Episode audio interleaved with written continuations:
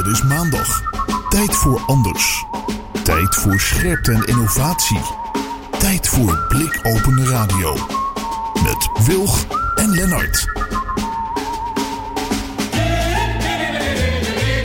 Welkom bij de 82e aflevering van Blikopener Radio. Mijn naam is eh, Lennart Bader. Ja, en ik ben eh, Esther Gons, a.k.a. Ed Wilg.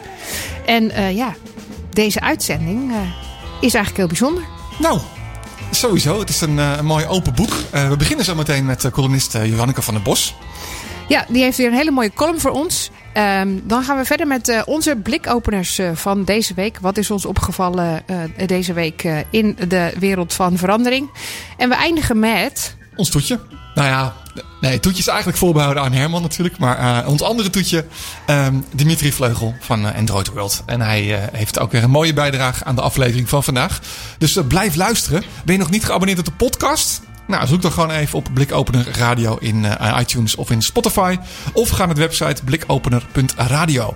En suggesties voor gasten zijn altijd welkom. Als je een mailtje stuurt naar um, post.blikopener.radio. Dan uh, is onze redacteur uh, Mireille is daar heel erg blij mee. En wij ook.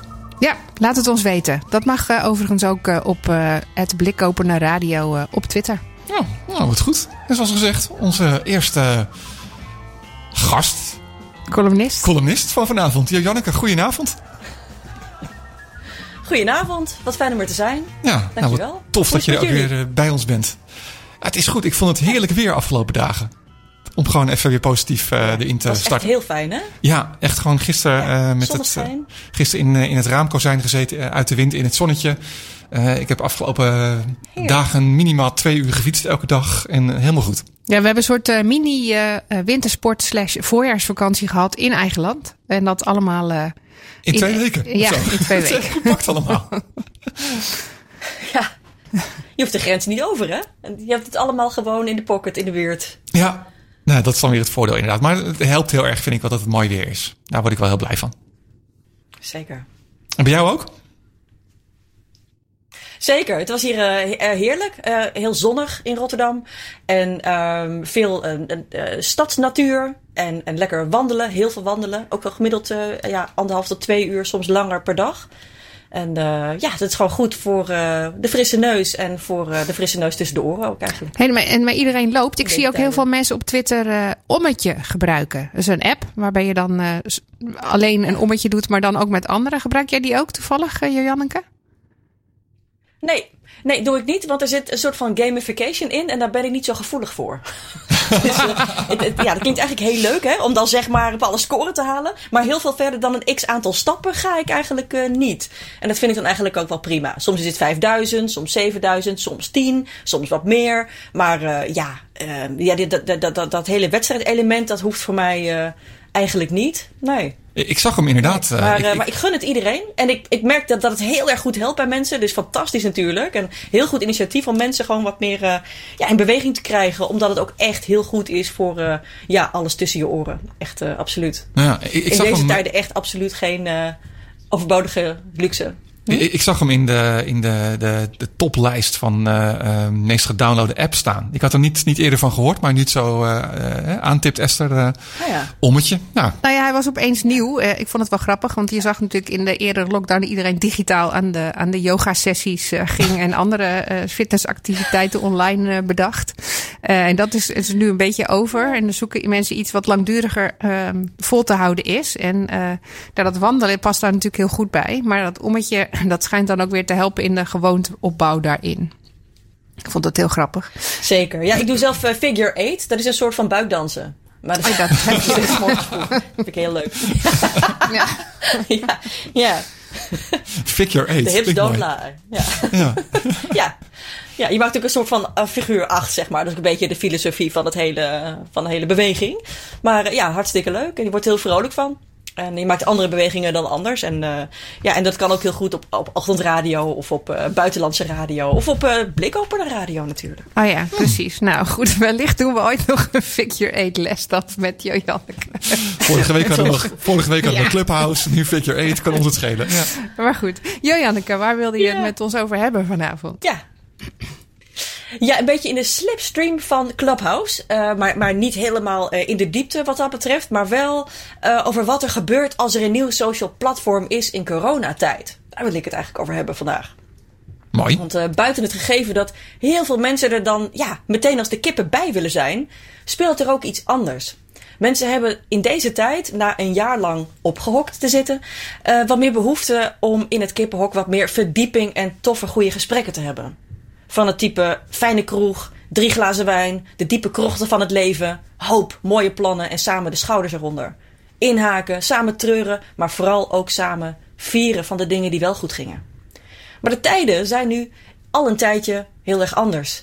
Alweer een jaar. Maar die behoefte aan goede gesprekken, die is er toch. En die zijpelt dus in de socials als water overal doorheen. Zelfs door de platgelopen Zoom-vrijmibo's. Je ziet het ontstaan aan de randjes van internet en op Clubhouse. Want ja, dat is iets nieuws. Vorige week hadden jullie het er al over. En dat audioplatform waar je gesprekken voert en lekker relaxed zonder video in je pyjama goede diepe gesprekken kan voeren. Maar voordat ik specifiek daarop in zou willen gaan of, of, of dat überhaupt zou willen doen, zou ik willen voorstellen dat we met z'n allen in deze tijd ietsie pietsie minder de positie kiezen van laat jezelf enorm zien en laat vooral zien wat je allemaal hebt en kunt.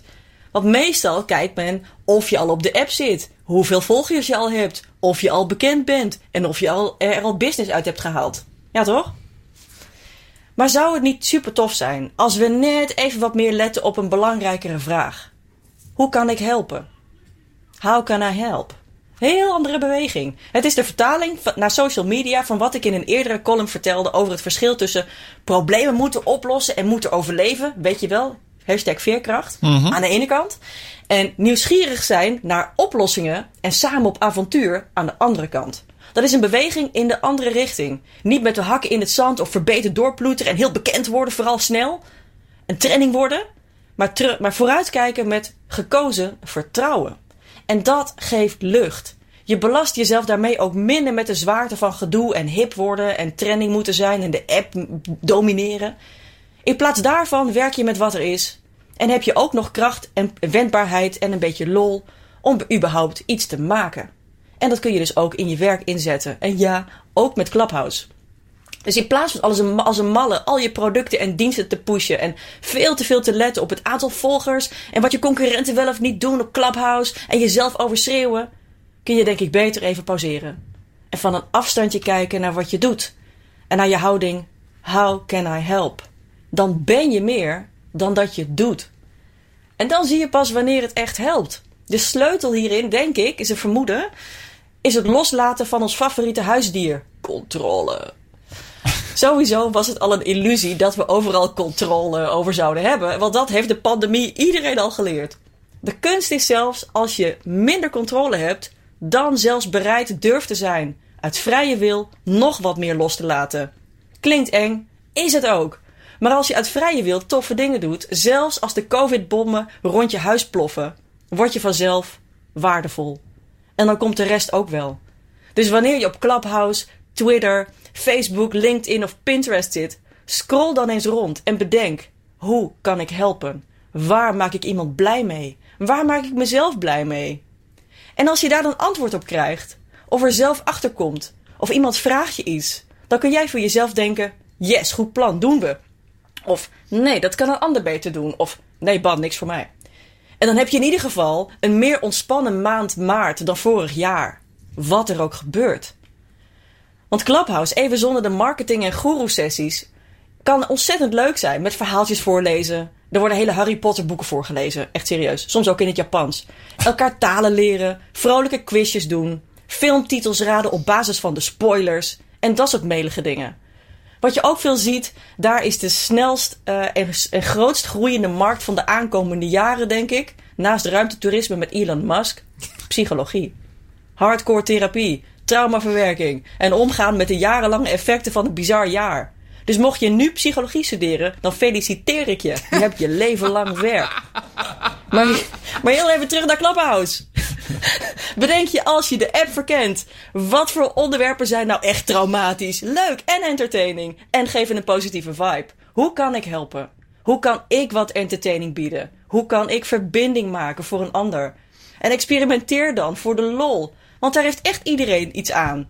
Meer lol, ontspanning en jolige quizjes in maart. Dus zoek gesprekken op die daarbij passen. Of start ze zelf. Zelf als je alleen in een room begint en, en niemand luistert mee, begin dan toch gewoon wel. En eerst even veilig alleen luisteren is ook helemaal oké. Dus mijn vraag over social audio trek ik vrolijk heel even door naar de ouderwetse lieve radio. Esther, Lennart, Mireille, waar kan ik je bij helpen? Mooi. Ja, dat, is, dat vind ik wel een hele mooie, ja. Maar goed, dat is ook wel weer een hele enge vraag. Want mensen verwachten dat ook niet. Ja, Dus dat, ik vind het, en dan, dan moet je antwoorden, weet je?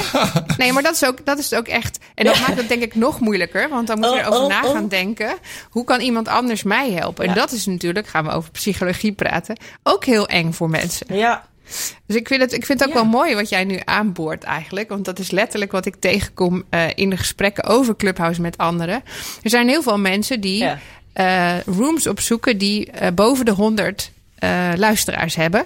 Ehm, want dat is heel veilig, want dan kan je namelijk luisteren. En dan Ja. hoef je ook niet dat podium maar dan op. ga je niet in gesprek. En dan ga je niet in gesprek, maar dat is het dus juist. En ik vind het leuk om de kleinere rooms op te zoeken, waar min- minder dan tien mensen in zitten. Want dan heb ik een gesprek. En het is altijd, Ja. dus ik noem dat toevalligheden. Ik weet niet wat ik tegenkom, maar het kan zomaar heel leuk zijn. eh, of niet leuk. En ik zet dus ook spontaan mijn rooms aan waarin ik zeg: eh, Ik ben toch online, want ik ben aan mijn boek ontwerk, eh, aan het werk. Ik heb Open Office, vraag maar, waar kan ik mee helpen? Leuk. Maar dat is Precies. ook wel heel eng. Want als ik dan mensen naar voren ha- haal die in mijn room komen, die zet ik dan onmiddellijk aan. dan krijg ik de mededeling dat ze even niet op het podium kunnen komen, omdat ze niet, niet in. Omdat ze een beetje bang zijn. ja, ik weet niet waarom precies. Ik vond het heel leuk, want vorige week tijdens onze uitzending eh, kwam het ook naar voren bij meerdere mensen. Die dan zeg maar eh, inderdaad een, eh, bij voorkeur een wat grotere room eh, bezochten. Omdat ze dan ook weer stiekem weg konden gaan. Dat zonder dat het opviel Maar zeg je maar, kan dat ze in de kamer altijd. zitten. Ja. Dat, Maar je kan altijd stiekem weg. Ja. Het, het is een andere morris, zeg maar een andere manier van met elkaar omgaan. Als je zeg maar aan de praat bent, dan is er zeg maar niet een Jo Janneke die, door, die doorheen, door Lennart heen praat. Sorry daarvoor trouwens. ja, ja, dat Eh, maar ja, de- ja, sorry. Maar dan heb je zeg maar eh, wat meer ruimte voor wat de een zegt. En sommige mensen die zeggen ook heel uitdrukkelijk: eh, I'm ready talking. Weet je wel, I'm, I'm, I'm ready speaking. Weet je wel, dus dan, zijn ze klaar en dan, eh, en dan, en dan, dan, geven ze het stokje weer over aan iemand anders. En ja, het is heel erg, ja, met een net woord geciviliseerd. Hè? Eh, er is, het is een heel vriendelijke manier van, van, van praten van delen. En dat geeft ook de mensen de gelegenheid om juist de diepte in, in te gaan. En dat, je merkt dat, dat, met, dat mensen dat ook echt doen. Eh, ik, ik, ik luister zelf met name eigenlijk naar Engelstalige eh, groepen. Ehm, eh, eh, eh, en dat zijn af en toe hele grote. Er was gisteren bijvoorbeeld een interview, interview met Barack Obama. Best wel grote groep. Eh, Maar ik vind het ook heel leuk om gewoon met mensen, met, met twee anderen even te kletsen, weet je wel. En ik, ja, ik was vorige week een beetje aan het experimenteren. En ik begon eerst met mijn groep over radical empathy. En over eh, ehm, eh, resilience, hè, veerkracht natuurlijk. Ehm, maar ik dacht, ik ga er ook even eentje doen, gewoon voor de lol. Ik ga voorlezen. Want vroeger, toen Periscope nog niet van Twitter was, toen begon ik ook met het voorlezen s'avonds laat van, Grie- van de Ierse griezelverhalen. In plaats van eh, mensen leren hoe je met Periscope geld kon verdienen of marketen. Ik dacht, Ja. joh, dat, dat doet iedereen toch wel over drie uur. Ja. Maar gewoon even het plezier erin houden, weet je. En dus vorige week ben ik eh, Jane Austen gaan voorlezen. Pride and Prejudice. Superleuk. En toen bleek er ook een dame te zijn die zelf eh, Engels had gestudeerd. Ehm, en, en dat boek zelf ook daarop afges- af- eh, op was afgestudeerd. En die ging allemaal vragen erover stellen. Dus dat was hartstikke leuk. Ja, dat is een onverwacht. beetje als Nederlandse zijn. Dat merkte ik natuurlijk pas na drie kwartier. Ja, heel onverwacht. Ja. Dus juist die verrassingen. Maar ik vind, Ja, het, ik vind, ik vind wel leuk, dat dat. ja. ik, daarom vind ik het zo leuk dat jij dit nu zegt. Dat dat wel een mindsetverandering moet zijn bij heel veel mensen. Want je ziet nog steeds dat eh, het vragen naar eh, hoeveel van die mensen hadden we eigenlijk in die room. Hè, als een room heel groot is, dan zie je dat onmiddellijk op Twitter verschijnen. We hadden wel, weet ik voor hoeveel duizend mensen in de room. Hoe succesvol zijn wij nu wel niet? Ehm, Maar het is misschien ook omdat het nu heel erg. niks. Het, het kan nu heel erg. hè. Dus dit is nu, zo'n kamer kan nu, omdat het misschien ook beperkt aanbod is en het allemaal hype is, kan natuurlijk snel groeien. Er kunnen snel veel mensen inkomen. Misschien is dat ook wel een soort van trigger om dan, ja, maar dan moet mijn kamer dat ook of zo. nee, maar is het dan niet? Want je deelt. Ja, maar de dan- vraag is...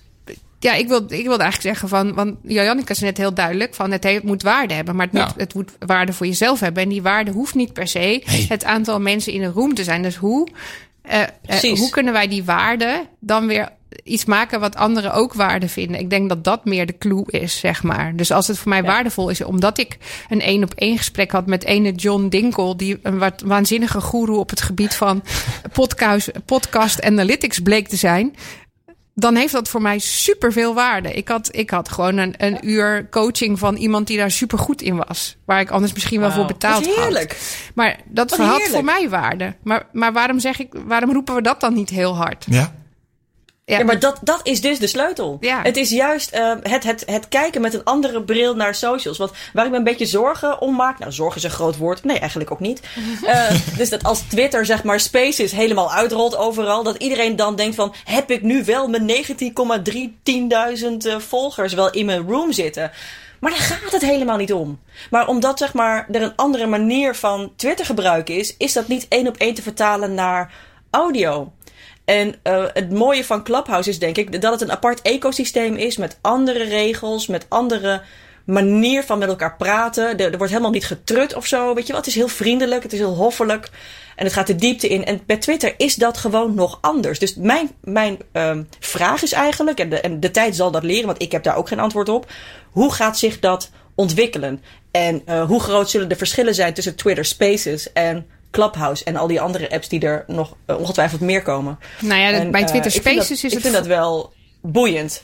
Ja, ja, dat vind ik ook. Het voordeel bij Twitter Spaces, in het voordeel van ja, wat jij zou willen, is wat mij betreft dat je ze nu nog niet kan schedulen, dus aankondigen. Dus je kan ook niet heel veel mensen sparen om te zeggen: ik ga iets groots doen, jongens, eh, volgende week. Maar dat je hem Oh, gewoon ja. aanzet. Ja. En dat er dan toevallig mensen die ook online zijn, met jou kunnen gaan praten. Dus dat heeft wel het voordeel van die Oh, toevalligheid, zeg maar. Ja. Ja. Ja, wat, wat, ik ook, wat ik ook merk, dat is dat audio zoveel benaderbaarder is voor iedereen die een beetje introvert is en een beetje klaar is met de zoomcamera. Die dat gewoon een, beetje gewoon een beetje klaar ermee zijn en denken, ik wil gewoon het over de inhoud hebben en me niet bewust zijn van hoe ik eruit zie als ik over iets nadenk. En eh, dat kan ik me heel goed voorstellen. Dus ik kan me ook, ehm, ja, ik, ik vind het wel eh, een, een welkome drempelverlaging voor heel veel mensen. Om het gewoon echt over de inhoud eh, eh, te hebben. En wat minder met hoe ziet het eruit en wat voor achtergrondje heb je. Hoe leuk de, de, de Rate My Room eh hashtags ook wel Nou, het zijn. is, vorige week hadden Maar we, ja, het is wel heel... we hadden vorige week inderdaad iemand die dat ook bevestigde. Hè? En, in onze clubhouse call. Die zei van ja, ik ben ontzettend introvert, maar dit vind ik juist fantastisch. Want hier kan ik juist zeg maar Ja, heel laagdrempelig in meedoen. Wat ik ook interessant vond, en misschien is dat Ja. eh, een beetje in het verlengen. Maar ik had eh, vanmiddag nog een, een, een call met een, een buitenlandse klant. En zij zei van, eh, ik heb, hè, we hadden het een beetje over hoe lockdown is in, in Ierland, waar ze dan vandaan kwam. En nou, vergeleken met ons en hè, met avondklokken en dat soort dingen. En zij zei van, nou, ze was dus in, in tijden weer eerst bij een ouder of iets op bezoek geweest. En die was eigenlijk de social skills een beetje verleerd. En dus die zei, wat dat is zo Ja, raar. dat snap want ik. hij, hij, hij, praatte steeds door me heen. Hij onderbrak me en had gewoon totaal geen... eh, geen eh, omdat die man dus nou, een, een, een half jaar of zo niemand gezien had in het echt. En, en, en misschien is het dus ook wel een deel van dat we nu... Hè, we zijn heel erg gewend om in, in Zoom-meetings te praten. En, nou, dat is toch eh, anders dan in het echte leven. Zou zoiets als, als Clubhouse daar ook... Hè, of nieuwe audio-apps en, en eh, manieren waarop je daarin praat... zou dat weer een beetje kunnen helpen om dat te leren. Want zij zei letterlijk zelfs ook van... ja, ik moet zo meteen ook weer naar kantoor toe. Ik, ik hoop dat ik weer naar kantoor kan uiteindelijk. Maar nou ja, ik zit zelf ook een beetje te kijken van al die mensen... en moet ik weer sociaal gaan doen en zo. Dat is best raar, toch? Ik vind het ook raar. Eh, want ja, ik ben ook zeg maar een, een jaar thuis, weet je. En, en ik wandel eh, wat, heel, heel, heel wat af. En ik, en ik zie af en toe mensen, maar vaak één op één, weet je wel. En dan buiten. En, Ja. eh, ja, dus ik vind het ook wel een beetje awkward, zeg maar. Een beetje on- onhandig. En als ik weer naar, weer naar kantoor zal gaan, hoe dat dan zal zijn. Met al die mensen die ineens spontaan langskomen lopen. Dat je schrikt van, oh jee, mensen. Iemand. Weet je wel. Dat is natuurlijk wel heel anders. Maar ja, iemand. Maar, maar het is, ik denk wel dat Clubhouse en andere audio-apps weer anders zijn dan elkaar in levende, lijden, in levende lijven tegenkomen. En ook weer anders dan Zoom. Het is gewoon een derde beestje. Zeg maar een derde andere vorm van communicatie. Want bij Clubhouse, daar laat je elkaar heel erg uitpraten. En dan wacht je tot, tot, tot, tot iemand helemaal klaar is met zijn verhandeling eigenlijk. Eh, tenminste, bij de meeste rooms waar ik in luister. Ook niet overal, maar meestal wel. En als je op kantoor zit, dan, dan, dan is het af en toe dat mensen langslopen en zeggen van... Mag ik even wat tegen je aanhouden? Weet je, mag ik even sparren? heb en je nu al gedaan. vaak wel of niet uit. Ja, precies. ja, ja, ja, ik ben nu al uit mijn concentratie. Ja. Weet je, want dat is weer een andere situatie. Dan kun je het minder plannen. En ik ben eigenlijk wel stiekem een beetje gewend geraakt aan de luxe van dat het allemaal een beetje te plannen valt. Ja. Ja, dus ik ben zelf, uh, als ik mensen zie, ineens heel spontaan en extravert. Maar uh, ik ben ook wel urenlang vaak een kluizenaar. Als ik gewoon mijn werk aan het doen ben. En dat vind ik dan heerlijk. En dan hoor ik mezelf weer urenlang niks zeggen. Totdat ik ineens met jullie zit te, eh, te praten, zeg maar. Weet je wel? Dus dat is wel een grote overschakeling. Dus ik, ik, kan me heel goed voorstellen dat die eerste dame, uh, net als ik zelf, uh, daar echt wel weer aan moet gaan wennen. Hoe dat dan is om in het wild continu met mensen wel of niet spontaan gesprekjes te hebben. Ja, uh, niet. heb je daar vanuit een, een, ja, een, kan ik me voorstellen. een uh, veerkrachtig uh, standpunt nog, nog tips voor? Hoe, hoe, als je nu thuis luistert en denkt, ja, dat heb ik ook. Hoe, hoe zou je dat doen? Kun je dat oefenen of is dat... Ja, het kan be... ja ik denk het wel. Ik denk het wel. Um, dus dat je s s'morgens wakker wordt met een intentie van... Ik zet vandaag de poort een paar uur open. En als je even klaar bent met, met de poort, dus even klaar bent met communiceren, dat je gewoon je grenzen aangeeft. En zegt van, joh, ik ben nu even klaar met praten vandaag. Ik moet weer even wennen. Dat je het gewoon zegt. Dat je gewoon zegt, ik ben nu even klaar met kletsen. Vind je, vind je het heel erg? Zal ik even thee halen? En dat je dan op die manier heel vriendelijk, rustig gewoon aangeeft van... ik moet gewoon weer even wennen aan de echte wereld. Ja. Ik denk dat heel veel mensen het best snappen. Ja, dat, dat ja, denk, denk ik ook. Maar dat heeft natuurlijk ook weer mate met... Uh, met uh, ja. Je had het net over die, over die controle. Hè? Dus uh, we moeten eigenlijk een beetje die controle loslaten. Dat is natuurlijk ook waar, waar, dat je flexibeler kan zijn met dingen omgaan. Um, ja. Dat heeft er natuurlijk ook mee te maken. Maar, maar hoe doe je dat dan precies? Hoe laat je, want dit is dan weer een beetje controle bij jezelf terugnemen. Hè? Ik, ik praat nu even niet, want dat heb ik dan ook nodig. Maar hoe laat je die controle Dat is meer bescherming, vieren? denk ik. Ja, ja. Ja, het is, ja, het is, het is inderdaad een beetje dat, dat spanningsveld tussen controle laten vieren, zeg maar. Dus meer een beetje de loslaten. En jezelf beschermen. Dus uh, als je voor jezelf merkt van ik raak een beetje uh, geredeguleerd, zeg maar, gedegereguleerd, een beetje ongemakkelijk of een beetje gestrest. Dan, dan, dan, dan, dan, dan, dan, dan, dan kun je eigenlijk je agenda ook zetten bij ieder uur van op zeg maar je, je, kalender even zetten of je alarm. Dat je denkt van hoe gaat het nu met mij? Voel ik me nou gestrest met al die mensen? Of gaat het eigenlijk best oké? Hm. dus dat je gewoon ieder uur even bij jezelf incheckt van... hoe gaat het nu met mij? Mooi. Gewoon even bij jezelf dat moment nemen om, om, om in te checken van... ik vind het juist leuk om nu naar voren te bewegen... en juist een extra gesprekje aan te, te knopen. Of juist gewoon eventjes in mijn, uh, in mijn hol terug te kruipen... en over een uur ben ik weer uh, belbaar of in te plannen voor een gesprek of zo. Ja. Dus dat je gewoon per uur even denkt van... Hmm, zo hangt de vlag nu. Ja, en dat en, valt uh, natuurlijk ja, dus dan... Het is eigenlijk een beetje zoals als je bijvoorbeeld op vakantie... Ja, ik wou zeggen, dat valt dan weer niet in te plannen. Dus dat is ook minder controle hebben over die dag. Omdat je dan per uur kijkt hoe je je echt voelt. Ja. Ja. Ja. Ja, dus de, ja, het is een beetje tegenstrijdig enerzijds. Maar um, het, het inbouwen van uh, zelfbeschermende grenzen... om gewoon met name te kijken of het goed met je gaat. Want uiteindelijk is dat het allerbelangrijkst. Hoe het zeg maar door de dag heen met je, met je gaat. Ja, ik denk dat dat het allerbelangrijkste is. Kijk, als je zeg maar niet lekker in je vel zit en je hebt bijvoorbeeld wel een clubhouse meeting gepland. Uh, op zondagavond 10 uur. Wat ik bijvoorbeeld had gedaan zondagavond 10 uur. En ik zat helemaal niet zo lekker in mijn vel. En toen dacht ik, ja, ik ga hem gewoon, ik ga hem gewoon verzetten. Ik vind het gewoon nu even niet zo'n goed moment om dat te doen. Ik heb wat anders aan mijn hoofd. En ik wil wat anders. Ik wil wat lezen. En uh, ja, daar gewoon zelf de grenzen aangeven. En niet een slaaf worden van verwachtingen van anderen. Maar ook niet van je eigen verwachtingen of je verplichtingen die je in social media of in communicatie met anderen op jezelf toepast.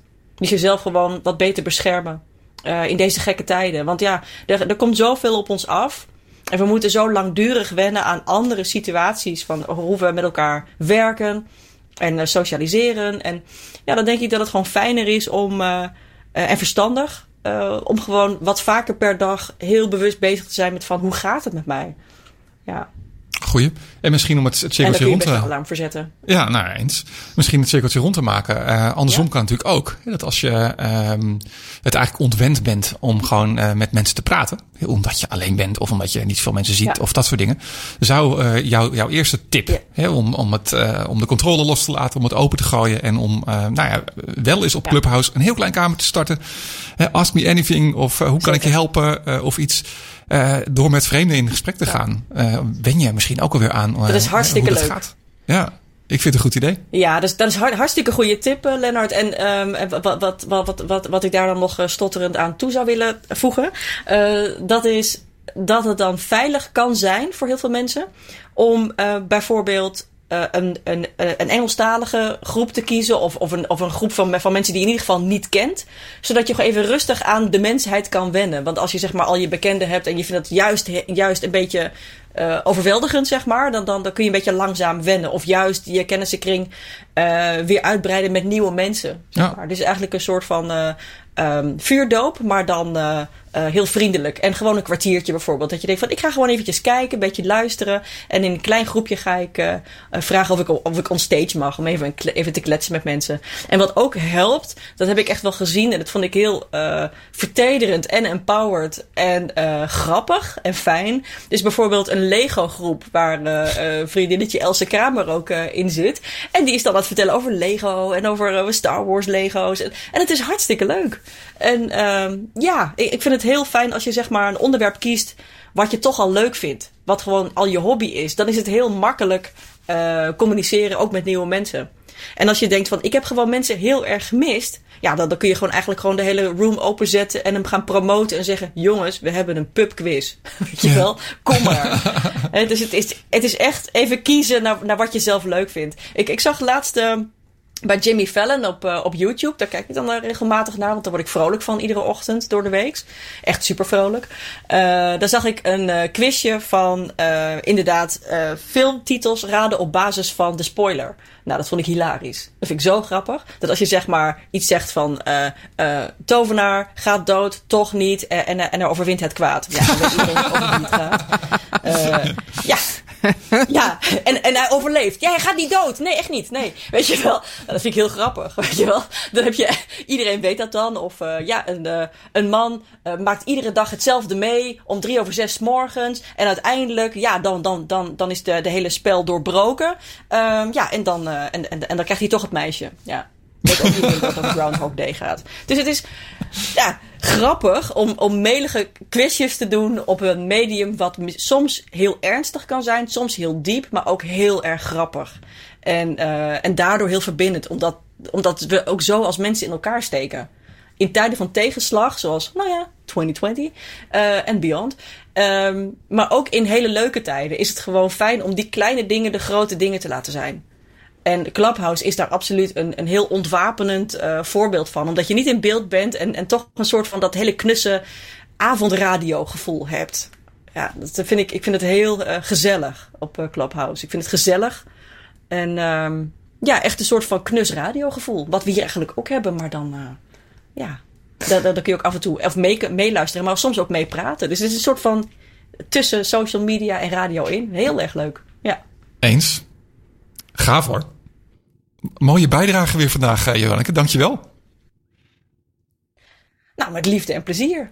Ja, ja. nou, how can I help? Nou, dat is uh, bij deze, uh, dankjewel.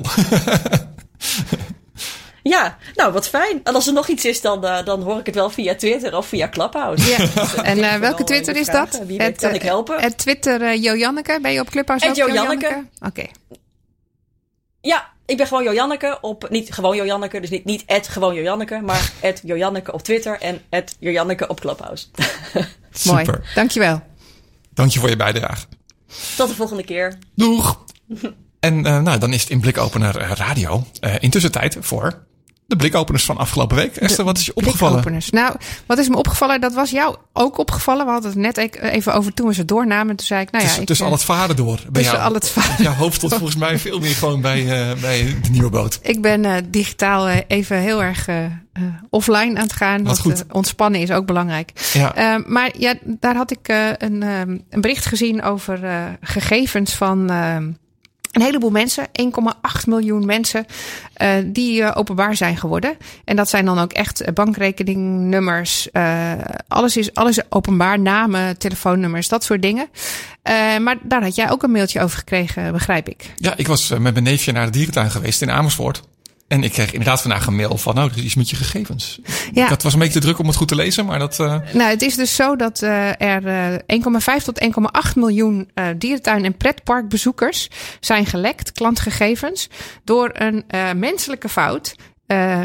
Waardoor iemand bij Ticketcounter een bestand met al deze gegevens ergens openbaar online heeft gezet.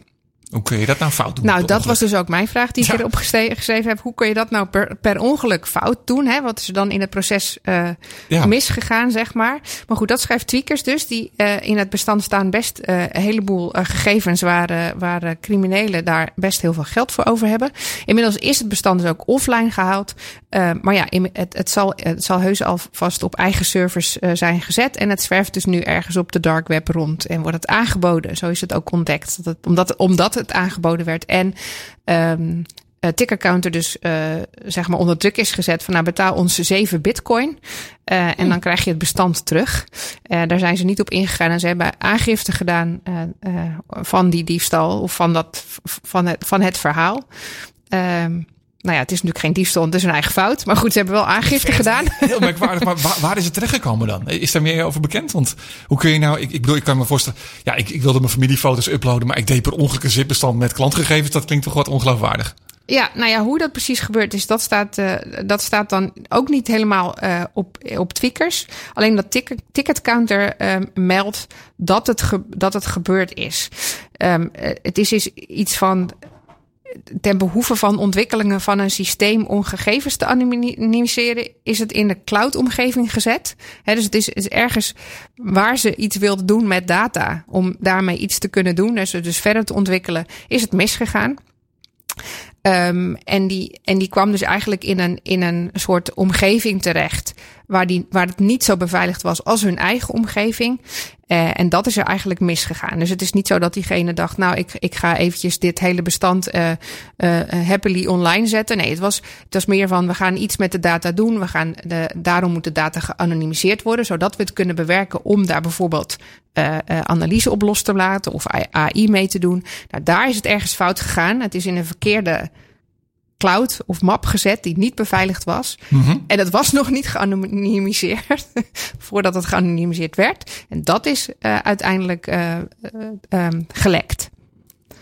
En het is een vrij grote dataset, zeg maar. Ja, dat, eh, als er 1,8 miljoen mensen in staan, dan is dat nogal wat, ja. Ja, nou ja, goed. En uh, die criminelen die die data in handen hebben gekregen, die dat gehackt hebben, die hebben dus uiteindelijk uh, Twitter-counter ook onder ticketcounter ook onder druk gezet en gezegd: als jij wil dat deze database nu uh, van de dark web afgehaald wordt of niet meer ter verkoop aangeboden wordt, dan vragen we jou om 7 bitcoin te betalen. Nou, een bitcoin heeft iets van, wat is die nu? 280.000 uh, euro, denk ik. 7 niet. bitcoin? Ja, ik denk zoiets. Nou ja, per bitcoin bedoel ik meer. Dus uh, 7, dat is dan 7 keer.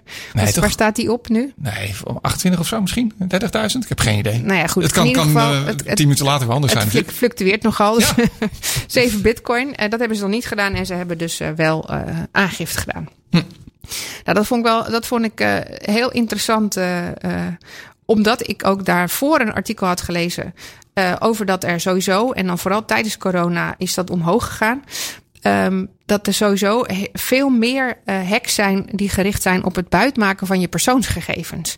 Dus dat is zeg maar in de coronatijd ook echt met 30% omhoog gegaan. Het okay. aantal hacks dat echt gericht is om jouw persoonsgegevens te stelen. Zodat ze identiteitsfraude kunnen doen met je. En dus ook uh, dingen kunnen bestellen met jouw gegevens. En uh, ook online uh, dingen kunnen doen met jouw gegevens. Dus dat is heel erg gestegen. Die, Want kun je eens um, uitleggen hoe, hoe, iemand dat zou kunnen doen? Wat, wat, kun, je, wat kun jij als jij mijn bankrekeningnummer hebt en mijn mailadres bijvoorbeeld? Hè? Want ik heb een, een boeking gedaan bij zo'n dierentuin. Laat ik mijn telefoonnummer achter, mijn naam uh, en uh, ik doe een, uh, een betaling. Nee, goed, dan, dan heb je dus natuurlijk al heel veel gegevens van iemand. Dus dan kan je mm-hmm. een, een, aantal tactieken doen. Je kan bijvoorbeeld iemand opbellen en dan je voordoen als de bank. En dan, doordat je een heleboel gegevens hebt, zoals bijvoorbeeld je banknummer, een transactie en zelfs je, je, je geboortedatum. Kun je vertrouwen winnen natuurlijk. Precies, dan kan je een aantal nep-verificaties doen. Nou, spreek ik met de heer die en die en klopt het dat u dan en dan... Nou, prima, dan hebben we dat geverifieerd. Um, en dan ga je de vraag stellen die je wil stellen om nog verder te gaan. He, zo zijn mensen bijvoorbeeld ook um, uh, door zo'n babbeltruc, door die, die, iemand die zich voordeed als de bank, uh, er zover gekomen om hun spaargeld op een zogenaamd veilige tijdelijke rekening te plaatsen. En dan zeggen ze, nou, we zien dat u aangevallen wordt en we willen uw rekening even veilig stellen. Uh, zet het anders even op deze rekening, en boek het over en dan komt het allemaal goed. Dat, dat gebeurt. En zo kun je bijvoorbeeld ook je voordoen als uh, een instantie, bijvoorbeeld vanuit een e-mail en dan een, een vals linkje daarin stoppen en daar zitten dan al gegevens in, doordat je dat hebt, ergens anders hebt uitgemaakt. En kan je via een e-mailadres kan je aan phishing doen. Zo zijn er heel veel manieren om um, met jouw gegevens extra dingen te doen. Ja, maar dat is, eigenlijk is het wel altijd zo. Dus dat je daarmee, um, dat, dat er moet nog wel een stap gemaakt worden. Dus je moet nu eigenlijk, nu zo'n datalek gebeurd is, hè, en dat is ook wel overigens wat ik heel goed las, uh, de, de, de, de, de tendens zeg maar in die mail die, die Dierentuin gestuurd heeft van let nu extra op. Hè? Want uh, ja, je kan nu benaderd worden op die manier, maar ga er niet op in. Hè? Je bank zal het nooit vragen. Wij gaan niet om je rekeningnummer vragen of om tasacties te doen of iets. Dus eigenlijk is dat nog meer waar dan het altijd al was. Ja, en dat is nu nog ook. Hè, dus met die gegevens lijkt het ook steeds echter. Dus ja. je moet nog beter op gaan letten als jij een mailtje krijgt of gebeld wordt door instanties uh, als de overheid of een bank. Van is dit dan wel echt de overheid of een bank die ja. mij dit mailtje stuurt of nu mij belt?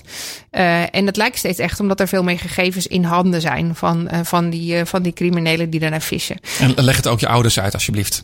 Nou, dat is sowieso een hele goeie. Maar wat ja. ook een goeie is, um, en daar wees uh, uh, Tiemann mij vanmiddag op, die zei: Nou ja, uh, ga vooral even naar um, de site laatje niet hackmaken.nl.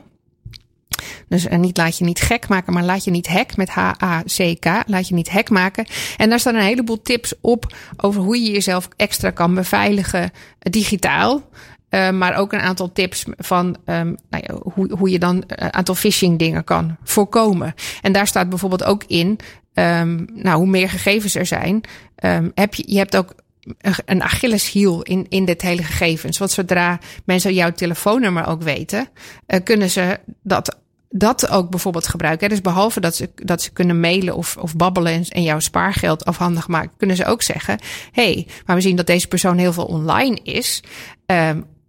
We hebben ook ontdekt dat die, die two-factor authentication heeft aangezet. Hè? Dus dat is zeg maar dat je, dat je twee beschermingsmiddelen hebt. Dus ik log in en ik heb een wachtwoord. Maar dan word ik tegelijkertijd ge-sms'd met een code. Zodat ik dat ze zeker weten dat ik het ben. Mm-hmm. Nou ja, dan wil ik, wil ik diegene uh, telefoonnummer afhankelijk, uh, afhandig maken. Dat kan door, door simphishing. Dus als maar uiteindelijk weten van wie dat telefoonnummer is, dan kan je bijvoorbeeld de klantenservice bellen van een, van een uh, um, maatschappij, telecomprovider, en zeggen: Nou, ik ben deze klant, um, ik wil wat gegevens veranderen. Dan doet de telecomprovider een aantal verificaties om te kijken of jij dat bent. Maar als jij die in handen hebt, ja. dan ben je dus je telefoonnummer kwijt. Terwijl dat een van de belangrijkste middelen is voor je twee-factor authenticatie. Nou, daar hebben bijvoorbeeld twee telecomproviders zoals um, Vodafone, uh, ik weet de andere even niet meer uit mijn hoofd, um, iets op gevonden. Die zeggen, nou eigenlijk willen wij ook dat jij een wachtwoord instelt voor als je ons belt. Ja. Zodat we zeker weten dat jij het bent. Ja. En zo, dus je moet ja, eigenlijk zo. veel meer stappen gaan ondernemen. Omdat er hoe meer mensen van je weten, hoe, je weet, niet meer weet wat nou echt is. Ja. Dus dat is lastig. Maar goed, dat, dat kwam ik dan tegen. dus ik zeg, kijk, kijk even op laatje niet hackmaken.nl. Goeie tip. Uh, en wat je allemaal kan doen. En nu we het toch hebben over uh, dat je niet precies weet wat er niet echt is. Uh, kwam ik weer uh, uh, onze oude vriend Deepfakes tegen. wat ook steeds beter kan. Maar dit is wel een leuke. Ik weet niet of je MyHeritage kent, nee. Lennart. Oké. Okay. Uh, nou, MyHeritage is een, uh, uh, een site die zich bezighoudt met je stamboom en DNA. Dus daar kan je bijvoorbeeld je DNA opsturen om te kijken of je niet een lang verloren neef hebt. Of, of dat je echt wel het kind van je ouders bent. dat soort dingen. Altijd willen weten. Altijd nee, willen weten. Nee, maar da dat is dus een, een publieke DNA-database waar je jezelf aan kan toevoegen. Um, en die verdiept zich ook in stambomen. En die had nu zoiets van, nou weet je wat, we, gaan iets, we doen iets leuks. Je kan een foto uploaden van, uh, van een familielid dat er niet meer is. En dat heet Diep Nostalgia. En dan uh, uh, animeren zij die foto op basis van, nou ja, goed, technologie en AI. En dan kan je dus iemand zo'n beetje zo zien bewegen alsof hij net zich klaarmaakt voor een fotoshoot. Een beetje pre-foto pre maken ja? van jezelf. Uh, en dat, uh, dat, nou ja, je moet maar eens even kijken op Deep Nostalgia, de hashtag op Twitter bijvoorbeeld, of MyHeritage. Uh, dat is dus heel hard gegaan op Twitter, want iedereen gaat natuurlijk foto's uploaden. Ik denk dat dat is wat ze willen. Ja, dat lijkt me ook. Ja. Maar dus niet alleen van, uh, van mensen die overleden zijn of uh, lang verloren uh, oma's en opa's, die je heel veel voorbij ziet komen. Maar ook bijvoorbeeld het schilderij van Van Gogh. wie kan je nog meer bedenken? Mona Lisa uiteraard is geüpload. er was een archeoloog die een heleboel beelden is gaan uploaden van, uit een tijd waar hij mee bezig was. Ik zag schilderijen van de fresco's van Pompeii voorbij komen. nou goed, het hele internet heeft van alles online gezet om geanimeerd te worden door de Deep Nostalgia uh, uh, algoritmes. Heel tof eigenlijk. Uh, ja, ik vond, hem heel, ik vond hem eigenlijk wel heel leuk. Ik weet niet of het ook heel creepy is, maar er kan vast heel veel mee geleerd worden. Dim, wat vind jij? Dim hangt inmiddels ook. Nou, wat ik vind, um, toevallig Channel, waar ik de podcast ongedefinieerd mee maak, die is in, in, in twee jaar tijd, drie jaar tijd al bij zijn ouders verloren. En hij wilde dat toch wel proberen. Uh, het lukte hem trouwens niet. Hij kreeg de foto's niet geüpload. Maar hij had er echt zoiets van: ja, dat, dat, lijkt me nou toch wel fijn. Als ik dan nog zoiets heb. Uh, ja, het is inderdaad wel creepy, denk ik. Er is, er is toch ook eens een keer mogelijk geweest dat je een, vid een video kon opnemen. En die dan op je grafsteen uh, geplaatst werd. Die dan in een loop zat. Dus als iemand naar die grafsteen kwam, dan, dan kon jij tegen diegene praten. Oh, wauw. Ja, ja. ook bijzonder, ja, denk ik. Ik wil je niet ideeën brengen hoor. Maar. Nee, maar het klinkt ook wel inderdaad. nee. Maar goed, ik vond, ik vond het wel heel mooi. Nee, het is wel heel nee. mooi gedaan. Het is heel echt, is het? Dat diep nostalgia. Dus ik kan me ook voorstellen dat het heel veel mensen heel blij maakt, zeg maar. In ieder geval heeft uh, MyHeritage nu een heleboel data aan uh, nieuwe gezichten waar ze wel iets mee kunnen, denk ik zo. en, uh, nou goed. Ook nou ja, het is, het is leuk ja, het is, heel, het is gewoon superleuk. Ja. ja. Uh, en en uh, om op die vrolijke noot te blijven, wat we natuurlijk, wat we natuurlijk al, al kennen, hè, we kennen een beetje dat beweging, is, is al uh, Snapchat, die heel veel filters heeft waar dus die je over jezelf heen kan leggen, zodat je zelf iemand anders wordt. Dat natuurlijk ook met, met een bepaalde technologie gedaan wordt. Um, ik weet niet of jullie dat weten uh, inmiddels, maar er is ook naast die Snap Camera die je kan downloaden. Daar heb ik het al een keer over gehad, zodat je in je Zoom meetings ja. ook de raarste gezichten op kan doen. Ja. En die zien er ook heel echt uit. Is er inmiddels een Snap Studio ontwikkeld? En Snap Studio is eigenlijk een omgeving die je kan downloaden, waarmee anderen dus um, die filters en die gezichten kunnen ontwikkelen. Dus als jij nou denkt, ik heb iets heel tofs, want ik wil eigenlijk uh, dat karakter worden dat ik, dat ik in Dungeons and Dragons voor mezelf ontworpen heb. Ik wil een, uh, een Dragonborn worden, ik, ik roep maar wat. Ja. Uh, dan kan je dat dus zelf ontwikkelen en filter voor maken, zodat je in de volgende Zoom call of waar dan ook die je hebt met je D&D vrienden, dat karakter ook echt kan zijn. Wow. dus Lens Studio laat dus andere mensen buiten Snap zelf filters en, en lenses ontwikkelen uh, op die uh, Snap Engine. En hoe is, is het een soort van uh, animatieprogramma? Of hoe, hoe werkt dat ongeveer? Heb je ja, ik heb van? het gedownload. Ik heb nu ook uh, Snap Studio op mijn computer staan. Ja. en je krijgt dus je krijgt eigenlijk de omgeving te zien van zo'n van zo'n van de grootte van het scherm met die camera. Dus daar krijg je access toe, tot de, engine. En dan heb je templates waar je binnen kan werken als je zelf niet zo goed weet wat je wilt doen. En je kan elementen gebruiken die van Snap zelf zijn, om daar dus een filter mee te creëren. En dan kan je ervoor kiezen of je dat, uh, of je dat gezichtsherkenningssysteem dan gebruikt, of dat je het op een andere manier wil doen. Precies, dat je kan bijvoorbeeld kan zorgen dat je gezicht uh, getracked wordt. Ja. En dat je, dat je ja. dingen kan vast ja. kan plakken. En dus dan heb je ogen, templates van nou, wat wil je precies? Wil je make-up op een gezicht doen? Of wil je een masker overheen zetten? En dan ga je daarin werken en dan krijg je dus helemaal... Ja, het ziet er een beetje uit als... Ja, ik weet niet of jij uh, toevallig ook uh, de... de de omgeving hebt om Mac-apps te maken. nee, nou zo ik, ziet het er een beetje uit. Maar oh, dan met met een camera-interface. Hm. Slim. Ja, dus ik ben heel benieuwd wat daar dan weer uitkomt. en je kan ze dus ook uiteraard publiceren. Hm. Dus dan kan je je eigen nou ja, deepfakes gaan maken. Ik weet niet hoe dat werkt. Ik vind het wel uh, heel tof eigenlijk. Ja. Ja, ja en dan uh, had ik een, een, laatste nieuwtje wat ik eigenlijk ook wel heel mooi vind. En het heeft allemaal met die digitale wereld te maken. Is uh, um, je, ik zag een bijeenkomst van een... Um, Um, ja, hoe noemen ze dat? Een, uh, um, een geloofsbijeenkomst, maar dat waren boeddhisten. Dus er waren 200.000 boeddhisten die, die, uh, die eigenlijk jaarlijks uh, een, een soort gebed bijeenwonen. En dan gaan ze normaal gesproken gaan ze daar ook heen in Thailand. Het is iets met, het heet Makka dag.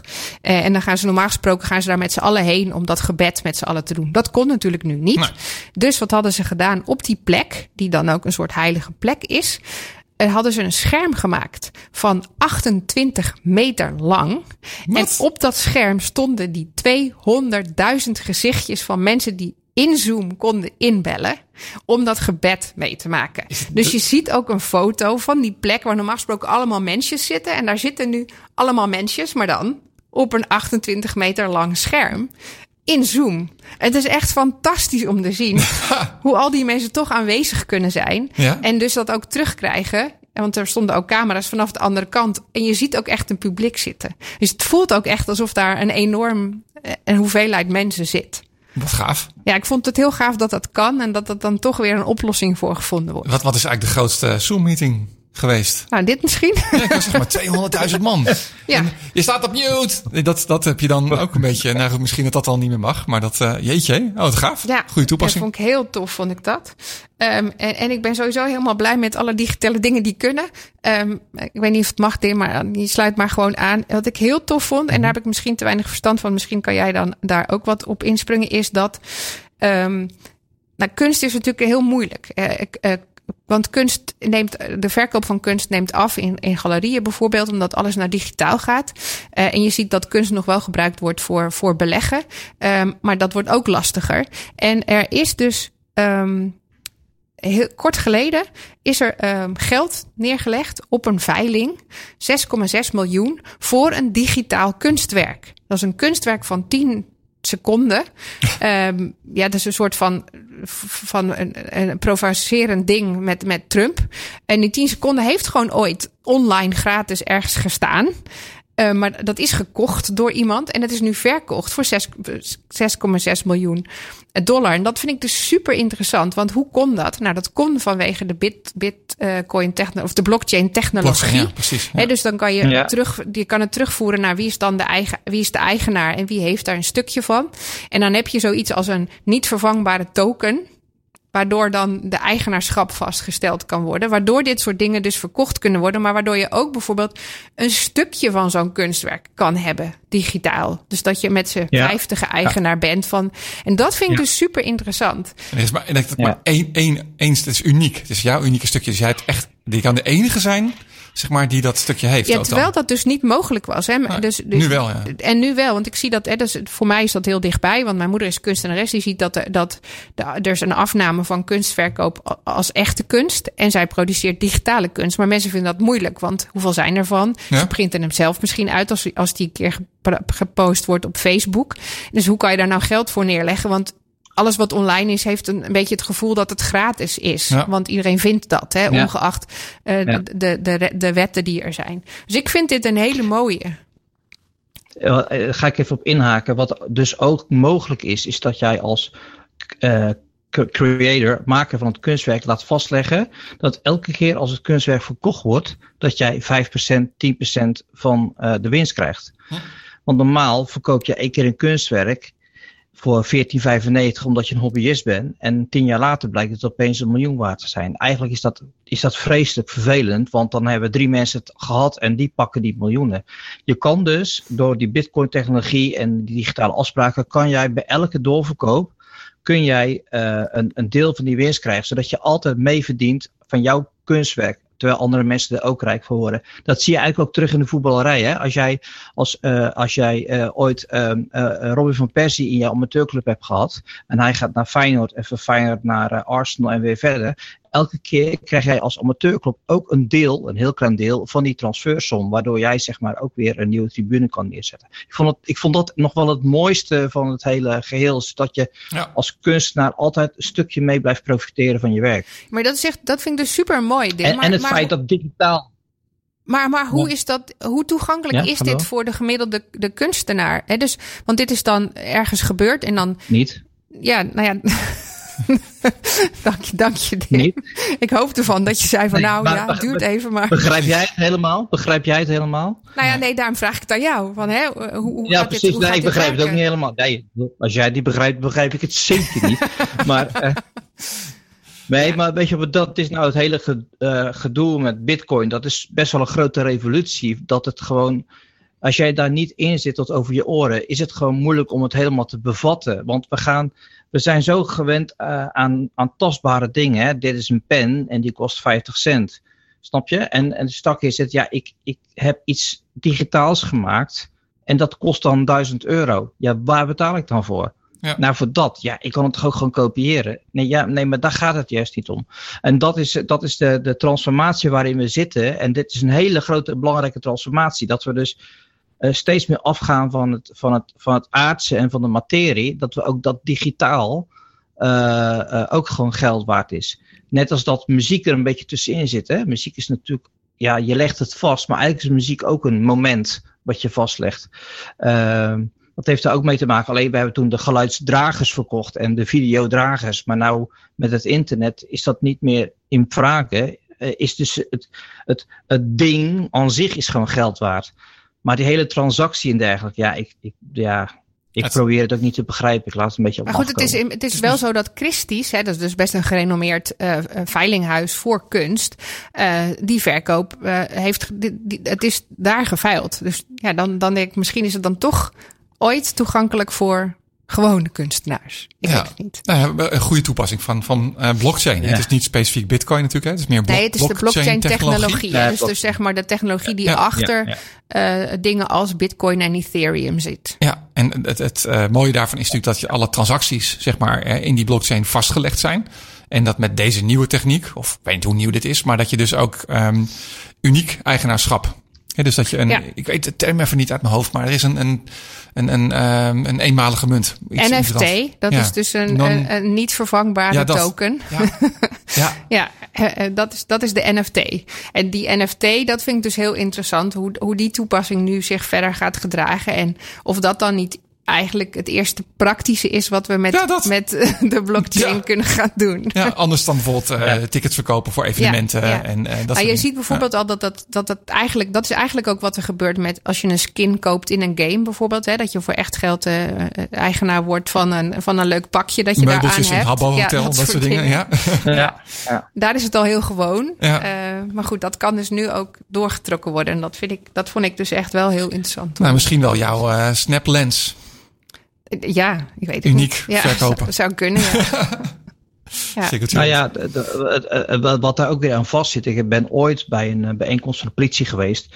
Over, uh, dat is echt al heel lang geleden. En daar was een wijkagent. Die had een keer dienst. En er kwam een, uh, een kindje van 12 jaar aan de balie.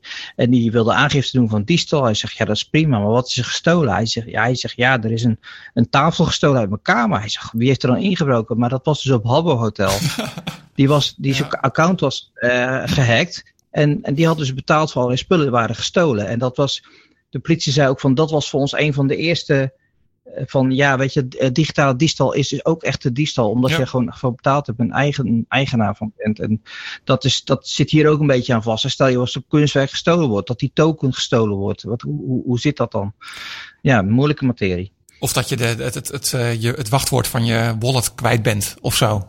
Ja, of, of, of de, of de drager. Ja, waar de drager. Dat, ja, dat. Precies, dan dat kunstwerk dat nu van diegene ja. is. En jij weet niet meer waar dat in de cloud hing. Of het is kwijtgeraakt. Ja, uh, of andere mensen hebben het wel gedownload. Ik vind dat heel lastig. Ja, ook. En hoe zien het dan? Heb je dan een schermpje waar je zeg maar, het kunstwerk op ziet in een loop of zo? Ja, uh, en alleen maar bij jou. En dat je het dan niet kan kopiëren. Maar je kan het wel filmen. En dan ook weer. Dat is best wel lastig. Maar het is natuurlijk hetzelfde met de Mona Lisa. Die kun je ook een foto van maken. Maar ik bedoel...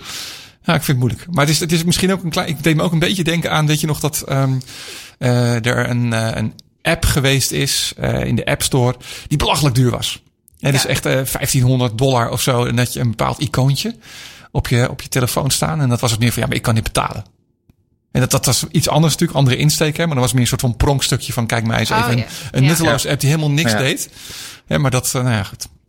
Maar goed, ja, dat Mona Lisa ja. voorbeeld is overigens ook wat de kunsthandelaar uh, aanhaalt als voorbeeld. Je kan een foto ne nemen van dat kunstwerk, maar, maar heb je niet. Dan, en dan is het niet zoveel waard als het echte kunstwerk. Ja.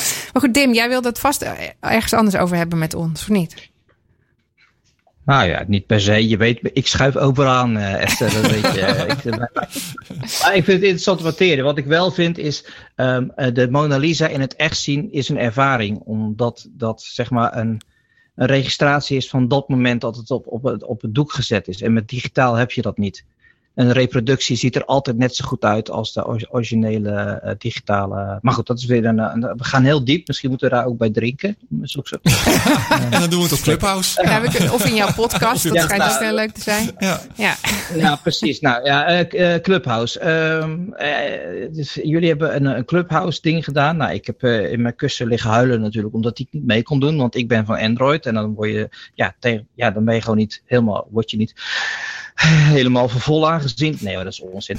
Um, uh, maar Clubhouse ligt een beetje onder vuur op dit moment, omdat uh, ja, ze nemen het niet zo nauw uh, met de, de AVG-wetten en regels die wij gewoon zijn in, in, in, Europa. Um, heel veel mensen die twijfelen aan, aan de goede bedoelingen van de app. Men vindt dat er te veel gegevens gevraagd worden. Um, natuurlijk naam, foto, uh, uh, mailadres en je gebruikersnaam. Maar bijvoorbeeld ook heel je, uh, um, alle contacten uit je telefoon um, nou, moeten, het is geen moeten, maar die kunnen geüpload worden naar de server. En dat zou dan zogenaamd zijn voor het weggeven van de invites. Ja, nu zijn er al een aantal mensen die hebben invites ontvangen of schijnbaar uitgegeven en die niet helemaal terug kunnen halen van ja, maar hoe, werkt dat dan? Nou, dat, dat, is niet, niet helemaal bekend hoe ze daarmee omgaan. Het is natuurlijk geen goed plan dat uh, jouw hele uh, telefoonboek hè, met het, uh, met het privé telefoonnummer van, van, van Esther erin, dat dat naar bij iedereen gaat en dat er ongewild connecties gelegd worden. daarnaast blijkt ook dat gesprekken uh, opgenomen worden. Um, en voor moderatie, goede bedoeling natuurlijk, maar waar staan die? Hoe worden die opgeslagen? Worden die encrypt? Dat is allemaal uh, uh, niet helemaal duidelijk. En er is ook nog ontdekt dat zij gebruik maken van Chinese software, waar daar, waardoor er ook het een en ander op Chinese servers stond. En ja, dat wil je eigenlijk ook niet, want je wilt de data natuurlijk wel in je eigen juridische omgeving hebben, dat is in Europa. Dus mensen zijn daar niet helemaal uh, blij mee. Nou, nou, nou hadden we het vanmiddag al eventjes over uh, Wil. maar ehm, ik denk niet dat er echt kwade bedoelingen achter zitten. Ik denk meer dat er niet zo goed over nagedacht is dat de wereld groter is dan Amerika. En dat dat hier natuurlijk wel eens een, een, een ding kan zijn.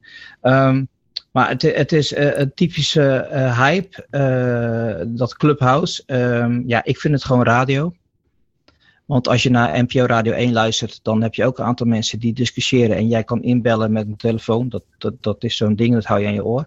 En dan kan je ook meepraten. Dus ik vind het heel bijzonder dat wij uh, nu van uh, een aantal jaar geleden zeggen: alles moest uh, streaming en teruggekeken worden. En, en allemaal lineair televisie kijken is belachelijk. Maar elke week wachten we nu braaf. Het allemaal lineair acht uur totdat WandaVision online komt. Dan gaan we, ja, gaan we kijken. Mandalorian, hartstikke lineair, omdat we dat moment weer willen pakken. En, en die audiogesprekken uh, is ja, het is op dat moment. En als het klaar is, dan is het klaar. Dan is het weg. En dat is met radio ook een beetje. Dus ik vind het wel heel frappant. Um, uh, dat dat, ja, dat, dat zo'n hype is. En ik vind, ik heb, ik, voor mij kun een clubhouse kun je ook gewoon binnen twee weken zelf in elkaar hacken met bijvoorbeeld een uh, een of andere audio tool of een streaming tool. Dat kun je dat ook ook gedaan. Dus ik vind, het is ook gemaakt met een platform door een bedrijf ja, die het inderdaad binnen een week in elkaar gezet heeft. Ja, klopt. Nou, ja, misschien is het nou, gat in de markt, Tim, om een, een, een om een Clubhouse uh, Android versie te maken. Volgens mij is dat de score geblazen. Ja, Clubhouse. dat. De, de zuipkeet wordt dan. maar goed, maar, maar, dan kan je dus ook niet aan die, uh, aan die Clubhouse Watch Parties van WandaVision, WandaVision meedoen, uh, Dim. Nee, ja, ik weet er helemaal niks van, want ik kan nooit meedoen. Dus ik, ik, word ook, ik, ben, ik werd ook een beetje uitgehouden zo vorige week. Van, nee, Dimitri, jij kan niet. Want jij, zo ging het een beetje. Ik voelde me echt een degelijk pijn. Ja, dus oh. nee, dat valt wel mee, jongens. Uh, heb, heb ik nog tijd voor